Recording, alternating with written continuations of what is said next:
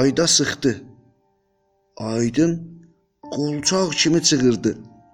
Onda ayda qolçağı götürdü, nə qədər ağladı, sözünü kimsənin qulağına çatdıra bilmədi. Onun üçün özünün bir iş görməyinə qərar verdi. Aydın Yusifin xodnevisini qurdalayanda qulağından elə dişlədi ki, Aydın yandım deyə bağırdı. Ayda Qolçağımın cığını ver. dedi.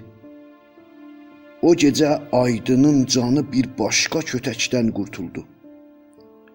Axı ata Aydaya görə qanını qaraltmazdı. İnamı var idi, qızların sonra uşaqları olanda doğru qolçağından başını qatmalıdılar. İndi ev işlərini öyrənməkləri gərəkir. Səhərisi cuma günü olduğuna görə Aydın böyütəc, kağaz və günəşlə gününü sovdu. Qonşu uşaqlarını başına yığıb kibrit alışdırmadan onların kitabla məşq dəftərlərini odlayırdı. Onlar dəftərlə kitablarının fikrinə düşəndə daha gec olmuşdu. Payızın yel doğan havasında yanıb əlovlanırdı. Aydın baş aşağı uşaq değildi. İliklə sinirlərində şeytan dolanırdı. Qulaqlarında vızıldayıb onu əl-ayaq çalmağa yönləndirirdi. Bu şeytan ondan başqalarını cana gətirib çarəsizləşdirən bir adam düzəltmişdi. Dinc dura bilmirdi. Gecə gündüz bir zadı axtarırdı. Özünə tay ayda kimi başından görünməmiş bir hənirti çıxırdı. Gecə hamıdan sonra yatırdı. Səhər də lap tez duran o idi. Ana tumarlamaqla, məhəbbətlə, oyuncaqla, pul ilə, yeməklə, ha belə əl önündə olan hər nəyi ilə onu böyüdürdü. Ata da hoyuxmuşdu. Bu vələdə zina ilə neyləsin? Onun dəcəlliyindən cana gəlmişdi. Dərs oxumadan ardıcıl 20 alırdı. Elə bu da atanı artıq hirsləndirirdi. Ancaq ata kötəkdən başqa bir yol bacarmırdı. Elə ona görə aydını yığışdıra bilmirdi. İşin sonunda onun qabağında dura bilməyəcəyini düşünürdü. Ata dincilik axtarırdı. Dükandan yorğun arğın gəlirdi. Vaxtını sovmaq üçün sakit, şirin bir uşaq axtarırdı. Orhanı bütün uşaqlarına tərcih verirdi. Şirin dillə danışırdı. Yusif kimi sakit idi, olduğundan artıq ata-anaya bağlı idi. Elə bu da atanı razılaşdırırdı. Ağzına tikə qoyurdular.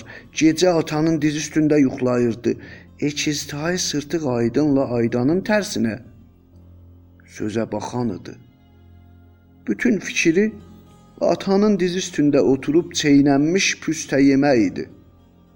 Ata çeynəyib ağzına qoyurdu. Bu iş ikisinə də adət olmuşdu. Yusifin ürəyi keçmiş illər kimi çeynənmiş püstə yemək istəyirdi.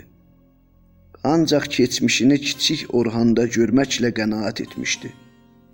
Dərdi sərsiz, ən kiçik bahana tutmadan başını özünə qatıb yuxusu tutana qədər bir zadla oynayırdı. Gahdan bir bucaqda oturub böyüklərin sözləri ilə hərəkətlərinə göz tikərkən uşaqların şıltaqlığına dözürdü. Yaxasına bir bardaq su tökürdülər, səsi çıxmırdı. Yəqin belə olacaqdı deyə düşünürdü. Bununla belə hər zaddan çox ekiz taylarla başını qatırdı. Onları sevirdi. Xörəklərini onlara bağışlayıb məhəbbətlərini çəkmək üçün özünü onlara yaxınlaşdırırdı. Ancaq faydasız idi. Onlar bir-birinin əlindən yapışıb həyətin o başında şam ağacının meyvələri ilə bir qoca əfsanəvi qalanın şəklini yaraldırdılar.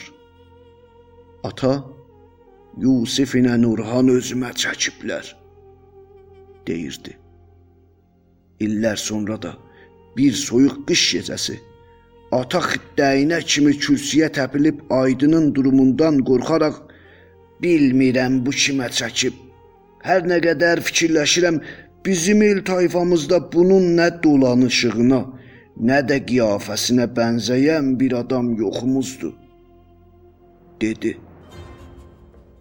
Ana, Sən əkibsən, mən də doğmuşam. dedi. Kaş ki əkməz idim. Sən də doğmazdın, dedi. Ata özünü suçsuz bir görkəmə saldı. Gözlərini qıyıb sızıltılı səslə Elə bil bizim uşağımız deyil. Nə pul alır, nə də bir zada ehtiyacı var. Nə də adamı sayır, dedi. Demək illər sonra bu ailə ilə yaxınlığı olmamağını Aydın özü də duymuşdu. Uşaqlığının şərəşür günlərini unutmuşdu. Ona heç nəyin yeniliyi yox idi.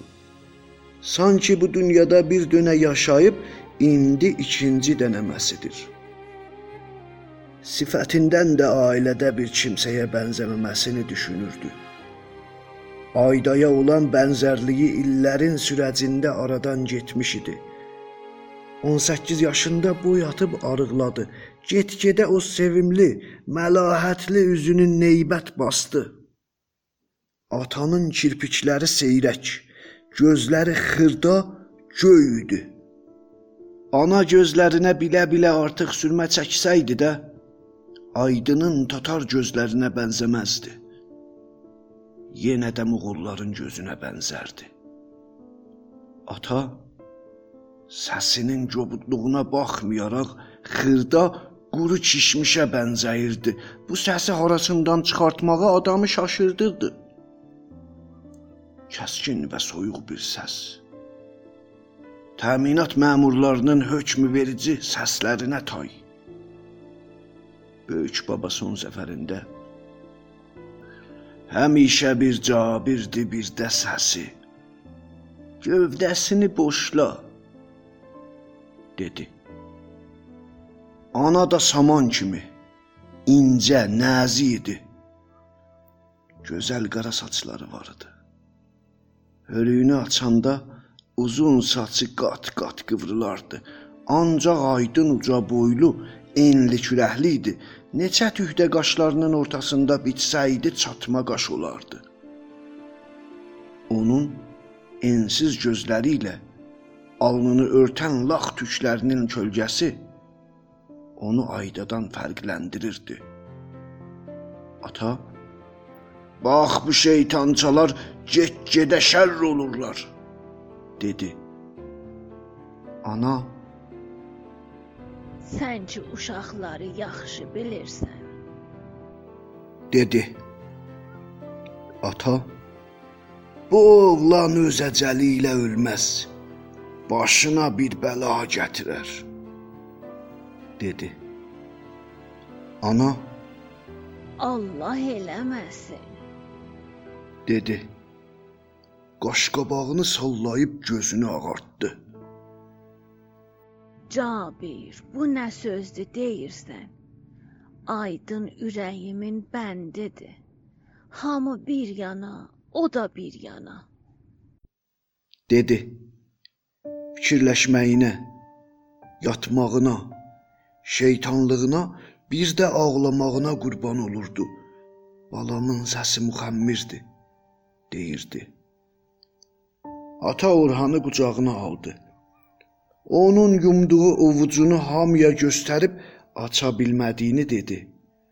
Özəlliklə yuxuda olanda ata bu əllərə baxın, bu oğlan mal yığan olacaq. Yaşamımı ovucuna alacaq. Orhan öz oğlumdur, dedi. Bu sözlərə aydın baş qoşmazdı.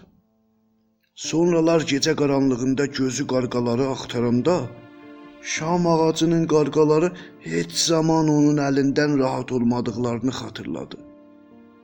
Rezin daşı ilə canlarına düşərdi.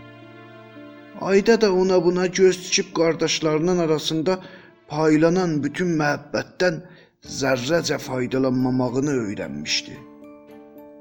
Ayda aydının tayı idi. Nə az, nə də çox. Xoşgüləş, haylı küylü bir şeytan. Ata ya da ananı uzaqda görəndə evi başına alardı. Qardaşları şaşırdıb özünə həmil edərdi. Onlardan başqa olduqca gözəl idi. Elə bu nədəndən sarı hər il böyüdükcə ata ondan nigaran olurdu. Aydanın ağır, vüqarlı, anlaşılmaz və geri qalmasını sevirdi. Ancaq o tərsinə könülsevərlikləri ilə, gahdan da ağlamaqları ilə, bəzən də üzündə törətdiyi ədaları ilə istədiyini ələ gətirirdi. Atanın başı sürəkli tükan və işinə qarışmışdı.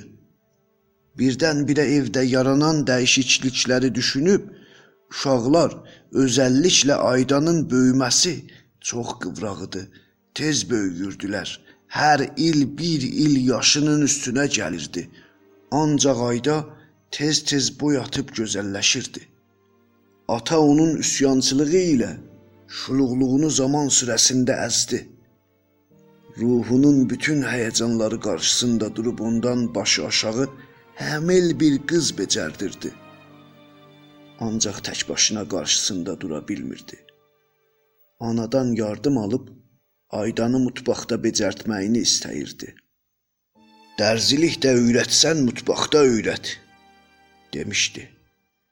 Gül düzəltmək də öyrədirsənsə, o da mutfaqda. Ayda da mutfaqda çürüyüb qorxulu bir yalqızlığa adət edirdi. Nə məktəb yoldaşı var idi, nə də bir iş üçün evdən eşiyə çıxırdı. Nə də evlərinə bir kimsə gəlirdi. Get-gedə qardaşlarından ayrı düşüb, ailədə heç bir kimsəyə bağlı olmayan qəriblər kimi öz yalqızlığına alışdı.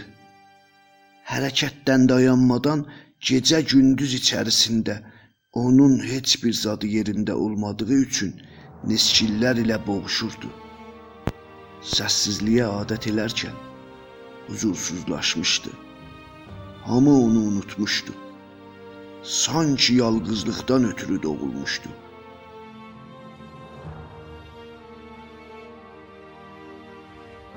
Ölülər Senfoniyası 1-ci çap Yazar Abbas Mərufi Çevirən Əhəd Fərəhməndi Düzənləyən Əli Səlmanzadə Səsləndirənlər Ağa Cabir Purbagiri Xanım Elnarə Hər zamanki kimi bizimlə olun.